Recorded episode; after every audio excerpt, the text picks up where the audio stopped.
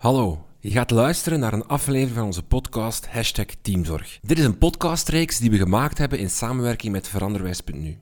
In deze reeks willen we scholen helpen om voor hun leerkrachten te zorgen. Niet vanuit een blik van zelfzorg, maar vanuit teamzorg. Samen zorgen voor het schoolteam. In zes afleveringen brengen we verschillende handvaten naar voren over hoe scholen aan teamzorg kunnen doen. Wil je niet wachten tot alle afleveringen hier één voor één verschijnen? Of wil je actief met de podcast aan de slag in je school of organisatie? Je vindt alle afleveringen van deze podcast al online als je in je podcast-app zoekt naar de podcast hashtag Teamzorg. Ook op Spotify vind je deze podcast terug. Veel luisterplezier!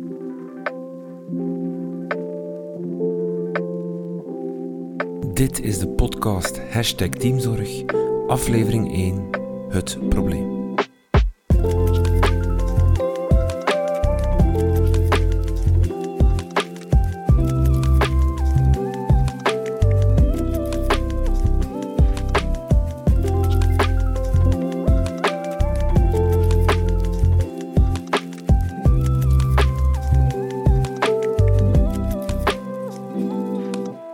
Hallo, ik ben Filip van Drogenbroek. Ik ben professor aan de Vrije Universiteit van Brussel, verbonden aan de onderzoeksgroep Data Analytics Lab en ook de vakgroep Sociologie.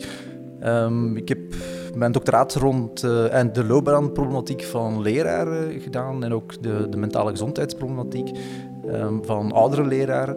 Uh, en daarnaast heb ik gefungeerd in 2018 als de National Program Manager van Thalys 2018. Onderzoek toont aan dat het welzijn van leerkrachten een belangrijke impact heeft op de kwaliteit van het onderwijs en de schoolse en socio-emotionele resultaten van de leerlingen. Aandacht voor het welbevinden en de veerkracht van leerkrachten is dus essentieel. In deze podcast willen we scholen helpen om voor hun leerkrachten te zorgen. Niet vanuit een blik van zelfzorg, maar vanuit teamzorg. Samen zorgen voor het schoolteam. In zes afleveringen brengen we verschillende handvaten naar voren over hoe scholen aan teamzorg kunnen doen. Beginnen doen we bij het begin. Hoe is het gesteld met het welzijn van leerkrachten? Welke oorzaken zorgen voor problemen op het vlak van psychosociaal welzijn bij leerkrachten? En hoe definiëren we mentaal welzijn?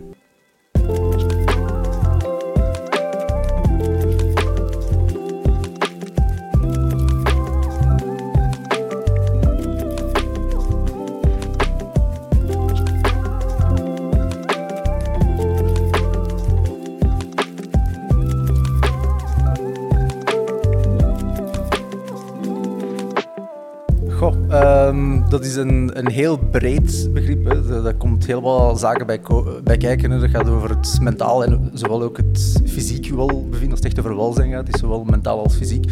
Dus daar vallen allerlei zaken over die dat we associëren met mentaal welbevinden bijvoorbeeld. Zoals depressie, stress, eh, burn-out, de, de gekende grote factoren.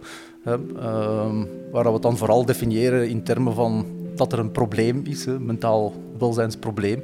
Je kunt even goed gaan kijken naar ja, positieve aspecten van mentaal welzijn. Hè. Hoe, uh, ja, in welke mate dan mensen voldoening vinden en, en, en, en zulke zaken.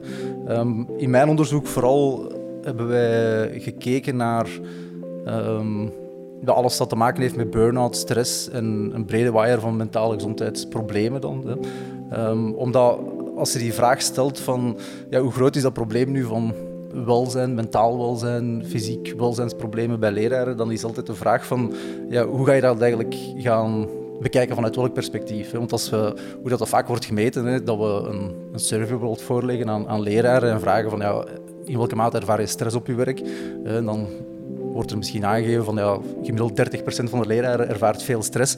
Maar dan is de vraag van ja, wat wil dat nu eigenlijk zeggen? Is dan ja, is dat nu heel veel stress, is dat weinig stress? En om dat in kaart te kunnen brengen, is het eigenlijk noodzakelijk om die relatieve positie van leraren te gaan bekijken. Um, wat ik dan vooral heb ingezet in mijn onderzoek, om echt dat vergelijkend perspectief uh, te gaan bekijken. En dus je kunt dan leraren gaan vergelijken in hun beroep zelf. Hè. Je kunt dan verschillende categorieën van leraren, man en vrouw, verschillende typen scholen met elkaar gaan vergelijken, zien of dat daar gemiddeld meer of minder stress is. Um, je kunt dan ook nog gaan kijken hoe de leraren zich verhouden tot leraren uit andere landen. Hè. Is de Vlaamse leraar dan speciaal daarin? Hebben die dan meer stress of minder?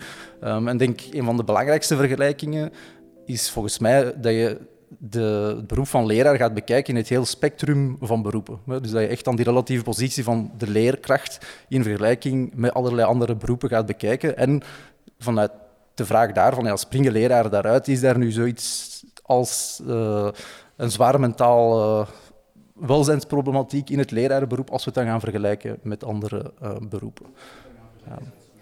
Wel, um, en is dat, dat, is, dat is eigenlijk een heel boeiende vraag. Want ja, toen ik begon met mijn, met mijn onderzoek, dan was ik, ging ik er eigenlijk, had ik verwacht dat ik heel veel mentale gezondheidsproblemen ging vinden hè, bij leraren. Omdat je nu eenmaal, als je het, uh, het nieuws ziet, kom je regelmatig headlines tegen. Ik heb er een paar meegebracht, zoals in het nieuwsblad onlangs, uh, toch al een paar jaar geleden, van de leraars massaal thuis door stress. Oudere leraars crashen mentaal, voor de klas staan is in een zwaar beroep. Zo'n koppen komen met de regelmaat van de klok. Hè.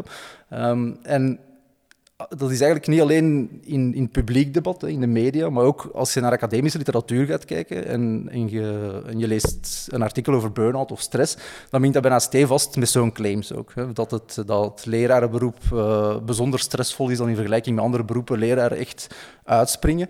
Um, dus wij hadden ook zoiets van, oké, dat is hier een, een, een probleem dat, dat uh, heel ernstig is en dat uit de hand loopt. Maar we waren dan zo misschien neurotisch genoeg om dan alle, alle referenties te gaan nagaan hè, en de claims zien door wat dan nu wordt, precies wordt gestaafd.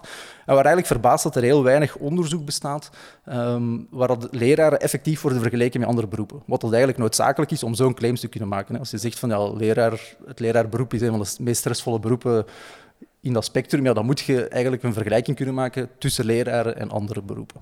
Dus dan, um, wat we dan hebben gedaan, is een, is een grootschalige review-study gedaan, hè, van, waar dat we op zoek zijn gegaan naar alle studies die er momenteel bestaan ter wereld, waar leraren effectief worden vergeleken met andere beroepen. Op een brede waaier van mentale gezondheidsuitkomsten, zoals stress, depressie, burn-out enzovoort. Um, en daaruit bleek, hè, uit die hele zoektocht, kwamen we maar op een 28-tal studies. Dus dat is, dat is, eigenlijk helemaal niet zoveel. Um, en nog meer, er waren heel wat methodologische problemen. Hè. Soms werd één studie, uh, werd een, steekproef genomen in een bepaald jaar en werd dan vergeleken met een steekproef van een ander jaar. Of waren er heel kleine samples, dat er een, uh, verplegers in een ene stad werden vergeleken met leraren in een andere stad.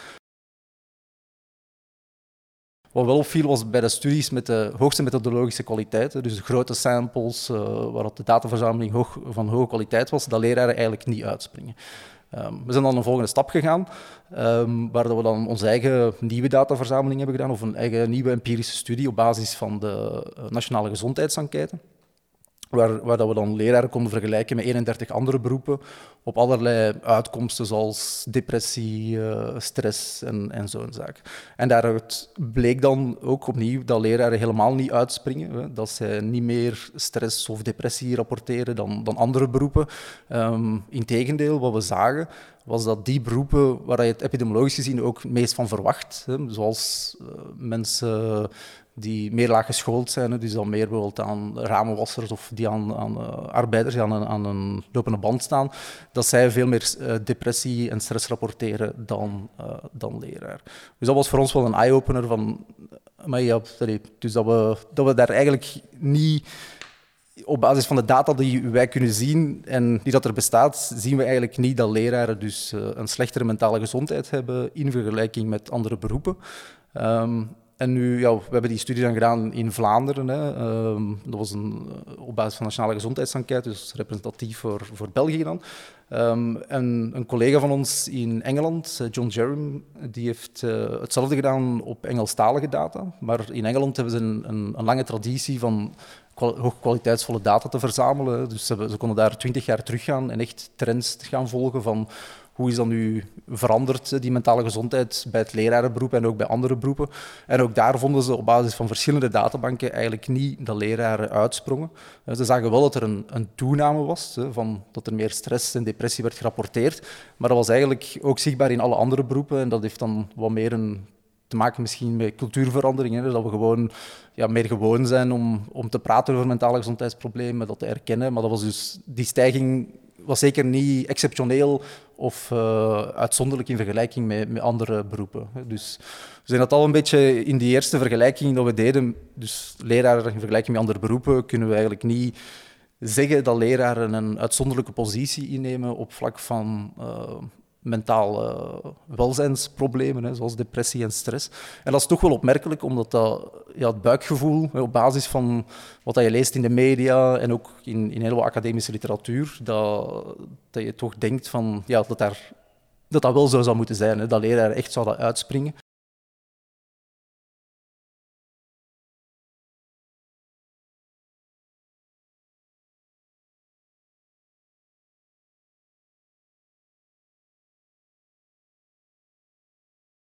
Kan je de vinger opleggen hoe dat komt, dat die perceptie daarover is? Ja, ik denk dat daar verschillende redenen voor kunnen zijn. Mijn gevoel zegt dat... Uh, ja, een van de bijzonderheden aan het lerarenberoep volgens mij is dat wij dat het leraarberoep een bijzonder groot beroep is. Hè. We, dat is denk 12% van alle hoogopgeleide actieve werkbevolking werkt in het onderwijs. Hè. Dus dat is de, de grootste werkgever voor hoger opgeleiden. Dus dat is een, een heel vocale, mondige groep. Iedereen krijgt daar ook mee te maken. Iedereen gaat naar school, kent wel een leraar, heeft zelf school gelopen, heeft kinderen naar school gaan. Dus iedereen is daar ook nauw bij betrokken. Um, ik denk dus dat, dat daar ook heel wat aandacht naartoe gaat. En een van de bijzondere zaken die ik vind in het lerarenberoep um, is dat ja, leraren zijn een van de enige beroepsgroepen die dat opiniestuk, opiniestukken schrijven over hun eigen beroep. Vrij regelmatig, om zoveel maanden, dat, dat leraren uh, een opiniestuk schrijven over hoe dat gaat in, in het onderwijs. En, en dat maakt natuurlijk ook van, als je zo'n grote groep hebt, hè, dat je voor elke claim ga je zonder al te veel moeite ga je tientallen, misschien zelfs honderden mensen gemakkelijk kunnen vinden. Dus als, als je iets lanceert zoals ja, er is een probleem met stress in scholen of, uh, ja, of, noem maar iets op, dat je altijd wel een klankbord gaat vinden in zo'n grote groep vocale, hoogopgeleide leraren. Uh, dus ik denk dat dat een, een, een oorzaak kan zijn, hè, dat het gewoon een, een beroep is dat heel veel aandacht krijgt en ook heel mondig is, vocaal. En dat, uh, dat er daardoor zulke claims uh, worden gemaakt. Hè. Um. Is er iets problematisch aan die claim op zich? Dat, dat er een soort van mechanismen gaan werken, self-fulfilling prophecy-achtige dingen, die zo zorgen van, ja, we, zijn, we zitten in een stressvol beroep, dat daardoor ook meer stress of meer burn-outs of meer... Ja, ik denk, ik denk dat wel, inderdaad. Uh, ja, onderzoek heeft, heeft ook aangetoond, als je iets heel vaak herhaalt, dan dan uh, wordt de waarheidsgehalte, hoe dat mensen het ervaren, vanzelf groter. Dus ook hoe dat conspiracy theories uh, voet aan wal krijgen, door het gewoon heel vaak te herhalen, begint altijd gewoon plausibeler te klinken. En ik denk dat dat, dat, dat zeker wel een, een reden kan zijn. Hè. Dat is een eerste zaak van die self-fulfilling prophecy. Maar een tweede aspect, wat ik ook wel problematisch vind, is dat je dan ja, beroepen die misschien er effectief slechter aan toe zijn, maar misschien niet zo mondig zijn. Ik heb nog nooit een, een opiniestuk gelezen van een ramenwasser bijvoorbeeld, hè, die klaagt over zijn arbeidsomstandigheden. Ja, dan zie je bij... Uh, ja, die zie je gewoon niet, niet komen. Dus die, die beroepen krijgen veel minder aandacht, terwijl misschien daar de problemen, ook epidemiologisch gezien, hè, dat zijn gewoon beroepen van, van lager opgeleide uh, mensen die dan dat we weten uit epidemiologisch onderzoek, dat die meer vatbaar zijn voor depressie en, en, en mentale gezondheidsproblemen, ja, die krijgen gewoon veel minder, uh, minder aandacht daardoor. Ik wil dat ook niet uh, minimaliseren. Hè. Ik denk dat er effectief wel stress is. En dit gaat vanuit die vergelijking van, ja, het ding is, als, als je aan een leraar vraagt, heb je veel stress, dan zal die zich vergelijken met andere leraren in zijn, in zijn school. Hè. En dat wordt niet per se saillant gemaakt van, ah, vergelijk nu eens, jezelf nu eens met alle andere beroepen die er zijn. Ik denk dat je dan wel veel genuanceerdere antwoorden kan krijgen. Het is gewoon, ja, doordat het zo'n groot beroep is, dat er zoveel mensen daarin werken, dat er zo'n belangrijke rol ook speelt, ja, dan uh, is het denk ik normaal dat daar wel vocaal over wordt uh, gedaan. Of, of dat, dat mensen ook wel terecht ook bepaalde zaken aankaarten. Er zullen wel, wel zaken zijn.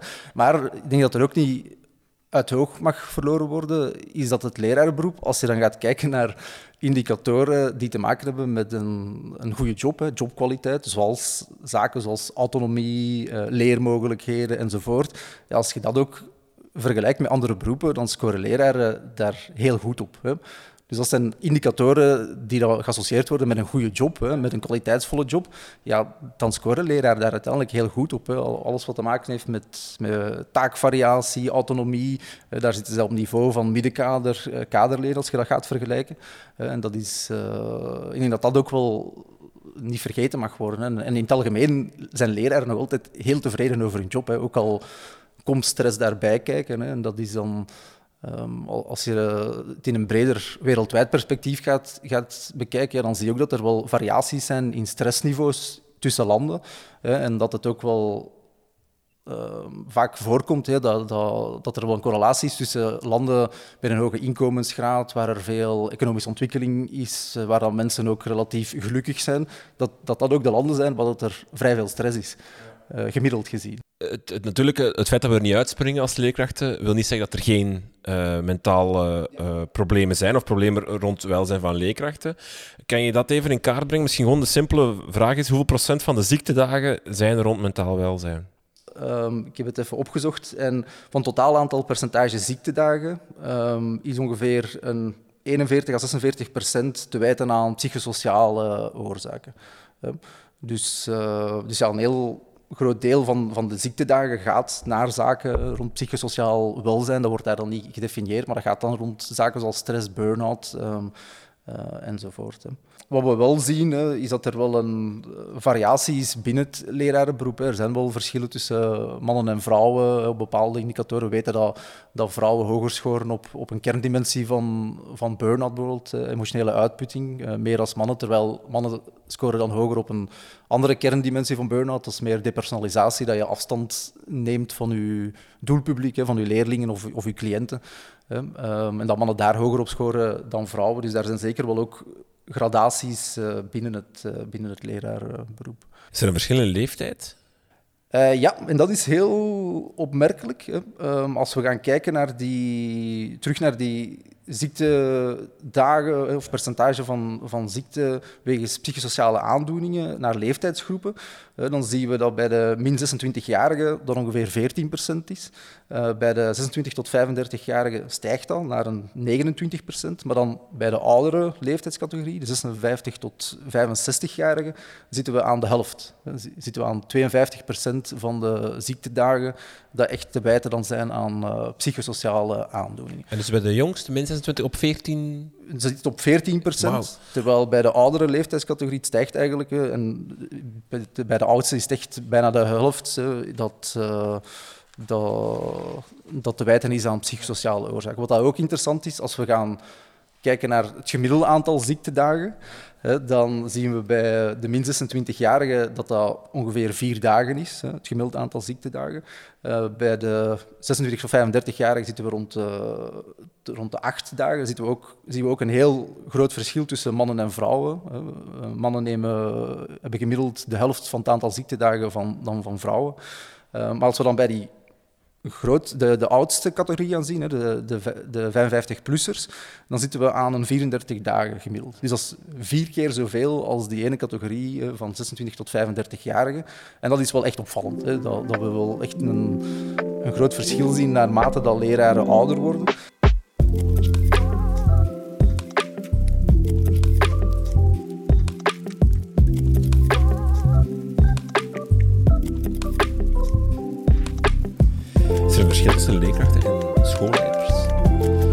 Tussen leraar en schoolleiders, um, um, daar hebben we in ons eigen onderzoek, dus in, in konden wij uh, ook leraren en schoolleiders gaan, gaan vergelijken. Hè. Binnen Vlaanderen, dan, ja, Taalis wordt afgenomen in Vlaanderen in het lager onderwijs en eerste graad secundair onderwijs. Dus de uitspraken gaan, gaan daar dan over.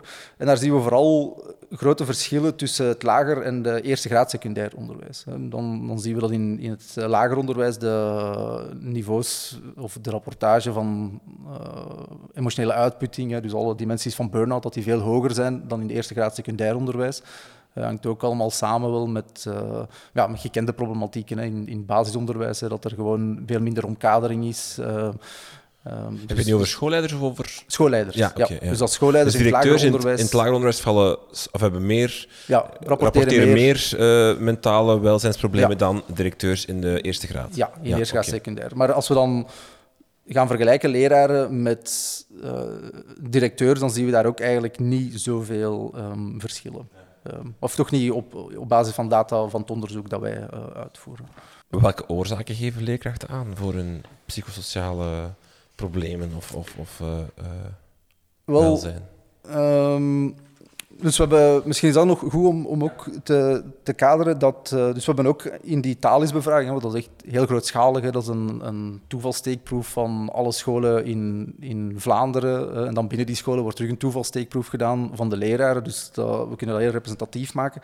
En als we daar dus een vraag bijvoorbeeld stellen van um, ik ervaar stress in mijn werk hè, en ervaar je veel of, of weinig, hè, dan geeft een 30% van de leraren in het lager onderwijs en een kwart van de leraren in eerstgraad secundair onderwijs aan dat ze veel stress ervaren. Hè. Um, dus en als we daar dan op doorvragen van wat zijn nu die, die, de oorzaken volgens jullie van die stress dan staat op nummer één in het lager onderwijs en ook in het uh, eerste graad secundair onderwijs, is het te veel aan administratief werk. dus alles wat te maken heeft met invullen van formulieren wordt dan als, als voorbeeld gegeven. En daar geeft een, een 30 à 35 procent, dus een derde aan, dat, ze daar, dat dat echt een bron is van veel stress voor hun. Dan in het uh, lager onderwijs staat ook nog... Um, op de tweede plaats, dat een kwart van de leraren aangaf, dat dat een, een, bron is van veel stress, is het aanpassen aan leerlingen met specifieke onderwijsbehoeften. Uh, dan op de derde plaats stond uh, het bijblijven met veranderende eisen van lokale Vlaamse overheid. Uh, dat is wat de, de, top drie. En dan volgt nog verbeterwerk, omgaan met bezorgdheden van ouders uh, enzovoort. En dat, dat vervolledigt zo wat de, de, top vijf. In het secundair onderwijs zien we daar gelijkenissen, hè, dus dat te veel aan administratief werk op één. Um, op twee staat daar dan um, het bijblijven met veranderende eisen van de overheden. Um, en op drie staat dan verantwoordelijk worden gehouden voor onderwijsprestaties van leerlingen. Hè. Dus dat, daar zitten toch wel nuances in in vergelijking dan met, uh, met het, uh, het lager onderwijs. Planlast is dus het probleem. Goh, dat wil ik, ik, denk dat ik mij niet ga populair maken bij de leraar. maar uh, op zich is dat ook een, iets heel interessants. Dus als we gaan kijken naar, die, naar die, uh, een derde van de leraren in het lager en, en, secundair onderwijs, dat dus aangeeft van dat te veel aan administratief werk is echt problematisch, dat creëert heel veel stress. Um, dat blijkt dan ook dat ze dat vaker rapporteren dan de vergelijkingslanden. Dus we kunnen vergelijken dan in het lager onderwijs met een vijftal Europese landen. In eerste graad secundair konden we met een veertiental Europese landen vergelijken. En daar geeft bij, in Vlaanderen bijna dubbel zoveel leraren aan, dus dat die administratieve last dat dat problematisch is. Dat u dan hun veel stress geeft. Maar als we dan gaan kijken naar uh, de effectiviteitsbesteding van leraar, dus we hebben ook bevraagd van ja, aan wat spendeer je nu allemaal uw tijd? Hoeveel uur spendeert je tijdens een normale werkweek aan, aan uh, lesgeven, lesvoorbereiding, verbetering uh, en administratief werk? Dan blijkt dat tijdens een gemiddelde week ongeveer een tweetal uur naar, naar administratief werk gaat, maar dat leraren daar niet op uitspringen in vergelijking met andere landen. Dus Vlaamse leraren springen daar niet uit in vergelijking met andere eh, Europese landen. Um, dus en dat is wel een bijzonder gegeven, van dat we eigenlijk ja, Dus in we essentie evenveel administratief werk doen in aantal uren, maar dat we daar wel meer stress door ervaren um, in, ons, in ons werk. Ja, dus we, we, we doen evenveel werk als onze Europese buurlanden, zou ik maar zeggen, maar we ervaren er dubbel zoveel stress van. Ja, ja, en dat, dat, dat, zien we ook wel terug. Um, ja, daar zijn ook weer meerdere verklaringen mogelijk. Hè, van enerzijds van, ja, dat er effectief ja, meer papierwerk is, maar ja, dat blijkt dan niet echt uit die, uit die, die aantal uur. Hè, maar misschien is het dan de aard. Hè, en dat zien we ook in, in, in onderzoeken rond uh, van kom op tegen planlast enzovoort, hè, waar het dan uit blijkt dat leraren vooral stress ervaren of zich storen als het zinloos papierwerk is, als ze administratie moeten doen waar dat dan niks mee wordt gedaan en, en, en dat vooral moet, moet bijdragen aan hun, uh, hun beroep. En dat is, dat is een, een eerste verklaring. Een andere verklaring is misschien ook weer, hè, doordat er zoveel aandacht aan wordt gegeven. Hè. We hebben dan, kom op tegen planlos gehad, we hebben dan operatie Tara gehad van minister Krevits. En, en dan creëert dat ook wel terug zo'n heel discours rond van ja, er is gewoon te veel planlos dat leraren misschien ook alles wat al niet lesgeven aan zich is, al gaan ervaren als, uh, als planlast. Er is ergens ook geen holler begrip dan het woordje planlast. Want ik, ik denk als we nu tien leerkrachten zouden zetten en we vragen wat is voor jou planlast, dat we misschien ook wel tien verschillende antwoorden zouden kunnen krijgen. Als in, wat, wat vind jij planlast? Wat, wat voor de een planlast is, vindt de ander misschien super interessant en ook helemaal geen planlast, maar juist een, een wezenlijk onderdeel van de job. Mm Ja, inderdaad. Ik denk dat dat een, een belangrijk uh, aspect ook is, of, een bedenking van dat ook gaat over ja, wat is nu eigenlijk een, een lerarenjob. Hè? Wat, omvat dat eigenlijk allemaal? Hè? Je kunt dat heel eng gaan invullen, zoals ja, dat, komt eigenlijk neer op lesgeven, uh, verbeteren en lesvoorbereiding.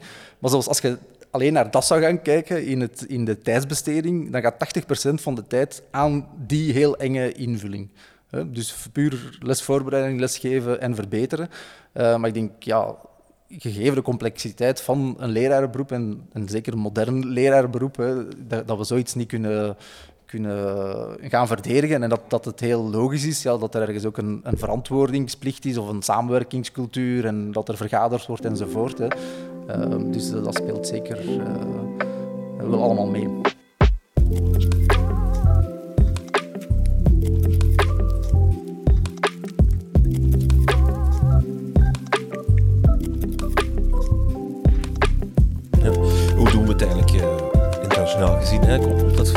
Het mentaal welzijn binnen onderwijs dan zijn wij, uh, want op zich zien we dus tussen verschillende jobs springen we niet uit, maar springen we wel uit tussen verschillende landen. Zijn wij slechte leerlingen in de klas als het gaat over mentaal welzijn van onze leerkrachten?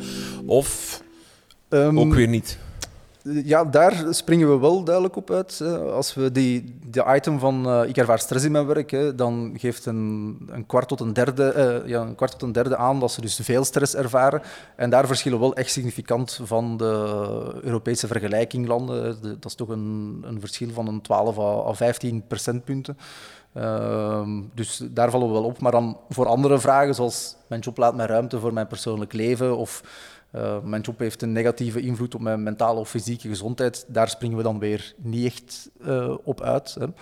Um, ook vragen zoals ja, alles bij elkaar genomen ben ik tevreden over mijn job. Daar, daar scoren we eigenlijk heel hoog. Hè. Ook tevredenheid met salaris en, zo'n zaken.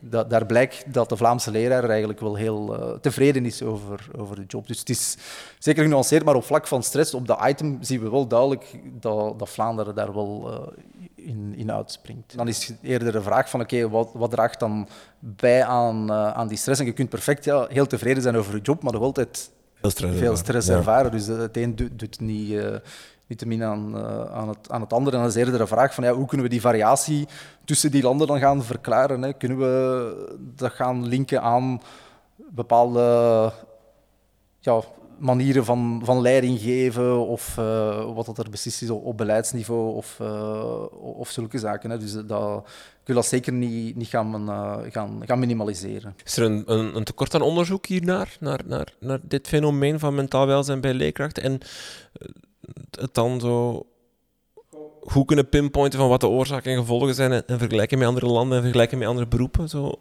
Ik denk dat er heel veel onderzoek naar wordt gedaan, maar inderdaad, de meer complexere studies, hè, en wat dat voor mij dan heel interessant is, is vooral dat comparatieve luik, hè, waar dat dan leraren bijvoorbeeld vergeleken worden met andere beroepen, hè, wat dat dan dingen kan gaan nuanceren en, en gaan, dat je die relatieve positie echt in kaart kunt gaan brengen, of die verschillen uh, binnen het beroep, hè, dat je dan overeen verschillende landen gaat vergelijken, ja, dat wordt veel minder, uh, minder uitgevoerd. Maar in het algemeen wordt er heel veel onderzoek gedaan hè, naar burn-out bij leraren, maar het is vooral ja, type onderzoek en, wat dat precies de, de, de invalshoek uh, dan is.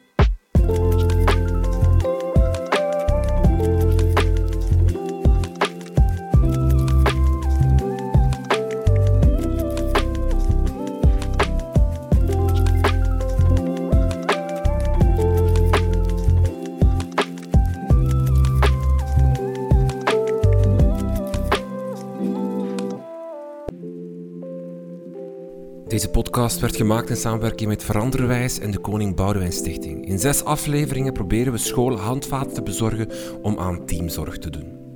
Voor deze podcast werd het boek Teamzorg is zelfzorg gebruikt als leidraad. In dat boek geven verschillende experts hun invulling aan het begrip teamzorg. De redactie van het boek werd gedaan door Anne Martin en Geertrui de Ruiter. Je vindt een link naar het boek in de show notes van deze podcast. Meer info vind je op www.veranderwijs.nu of www.krijtlijnen.be.